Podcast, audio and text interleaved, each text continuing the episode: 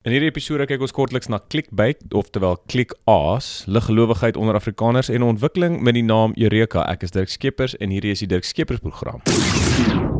In hierdie episode word geborg deur die ontvanger van die Tinteltong toekenning vir die Afrikaans vriendelikste produk. En dis natuurlik niemand anders nie as die mense by Ismos Bos en hulle vervaardig gebots bosseep met citronella en wilde salie. Albei die bestanddele is natuurlik wêreldwyd beroem vir hulle muskietafwerende effek. So ek raai aan jy gaan besoek hulle daarso op www.ismosbos.co.za. Die webblad is uitgelê in pragtig Afrikaans en jy kan daar vir julle van hierdie produkte aanskaf. Nou eers wil ek net iets sê oor ClickAs en so soos ons dit noem is clickbait in Engels. En as voorbeeld gaan ek die Citizen se digitale geredakteur se opiniestuk oor die jong laaitie wat ons nou gesien het wat die rommel optel terwyl die EFF ondersteuners dit nou weer uitstrooi. En uiteraard gaan ek nou nie die skakel tot daardie artikel plaas nie want dit stryk natuurlik direk in met die punt wat ek hier gaan probeer maak. In vandag se digitale wêreld waar daar geld gemaak elke keer as mense op 'n artikel aanlyn klik of gaan besoek. En soos ons almal weet, die mense is natuurlik nuuskierig van aard. So as jy jou sout werd is as 'n digitale redakteur, dan kan jy begin deur ongelooflike opskrifte te plaas wetende dat mense daarop gaan klik. Natuurlik kan daai opskrifte en selfs ook die inhoud moetswillig stroom op wees want jy weet dat jy so kan aandag trek. Ek weet Max de Pre gebruik dit nou al vir hierdie taktiek, gebruik dit nou al vir jare, selfs dekades. So die vraag kom natuurlik by my op, hoe staan ons hierdie tendens teen? Wel, jy kan seker begin deur hierdie goed te identifiseer en dan 'n punt daarvan maak om nie daarop te klik nie. En as ons terugkeer na hierdie citizen artikel, jy kan sommer daar reguit in die opskrif sien in hierdie geval waar hy sê why I won't be donating to the guy who picked up the EFF litter. En enigiemand met 'n gesonde verstand weet, dit is nie 'n opregte uitreik en 'n uitruil van idees nie. Dis 'n manier om te probeer advertensies verkoop. En as ek nou hierso op hierdie artikel verder lees, dan raak dit net al hoe duideliker en duideliker. Die ou is intelligent genoeg om 'n paar vyf lettergreep woorde in te gooi en dit so te maak lyk asof hy weet waarvan hy praat. Maar ons weet dat hierdie persoon nie eintlik bedoel wat hy daar op die bladsy neersit nie. Hy sit net terug gemaklik in sy stoel en hy lag in sy mou vir ons dommes wat demoeren raak en dan die artikel deel of verder lees. En soos ek vroeër genoem het in vandag se digitale wêreld, as ons daardie episode deel, dan kan dit eksponensieel verkeer na daardie blad toe dryf. En die uiteinde van dit is natuurlik dat die citizen alipad bank toe lag want adverteerders word vertel 10 duisende mense het hierdie artikel gesien en met hulle advertensie net daar aan die regterkant van die blad as jy daar wil gaan kyk. En so donder ons aan, maar dalk mis ek iets. Dalk is hierdie ou opreg en glo hy regtig wat hy skryf. Soos ek sê,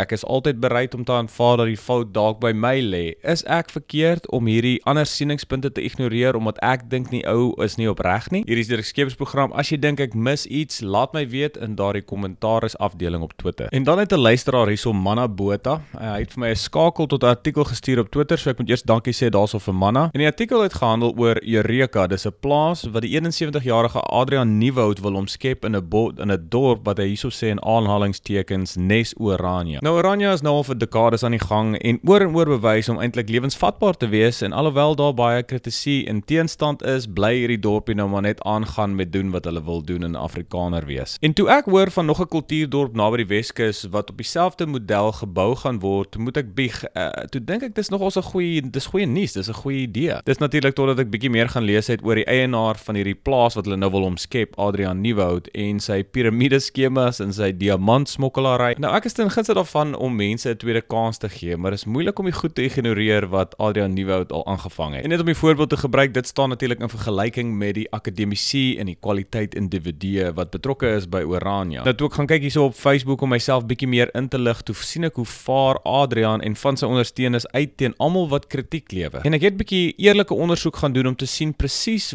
wat die probleme is en waar hak en is mense nou oor ongelukkig, maar dit is soos in hoofletters geskryf gewoonlik en daar's so baie spelfoute, dis moeilik om hierdie mense se kommentaar te lees. En as nog ons snaak om te sien hoe elke tweede persoon verwys na die onopgevoedes wat nie verstaan nie, maar die woord onopgevoedes, die letterlike woord wat hulle skryf, is omtrent elke keer verkeerd gespel. Ek moet net my kop skif teenoor die ironie daarvan. En is eintlik 'n hartseer saak al wil ons nou 'n bietjie daaroor lag want ek dink daar is baie waarde daaraan om kultuurdorp te stig en wat Afrikaner kultuur kultuur nie net waar dit kan behoue bly nie maar ook gevier word en selfs met ander kulture gedeel word. En dit is ook nog ons hartseer om te sien hoe mense, my mense, die Afrikaners nie die emosionele intelligensie het om te kan debatteer en punte te staaf met feite sonder dat dit in 'n vloekery verval. En ook nog 'n ding wat hak is Adrian praat slegs van die blanke volk en die agterlike hamer op rasse rassuiwerheid laat my wonder wat sal gebeur as 'n bloedtoets byvoorbeeld bewys dat alle Afrikaners, dalk Adrian ook, nie so rassuiwer is as wat hulle dink. Maar rassuiwerheid, die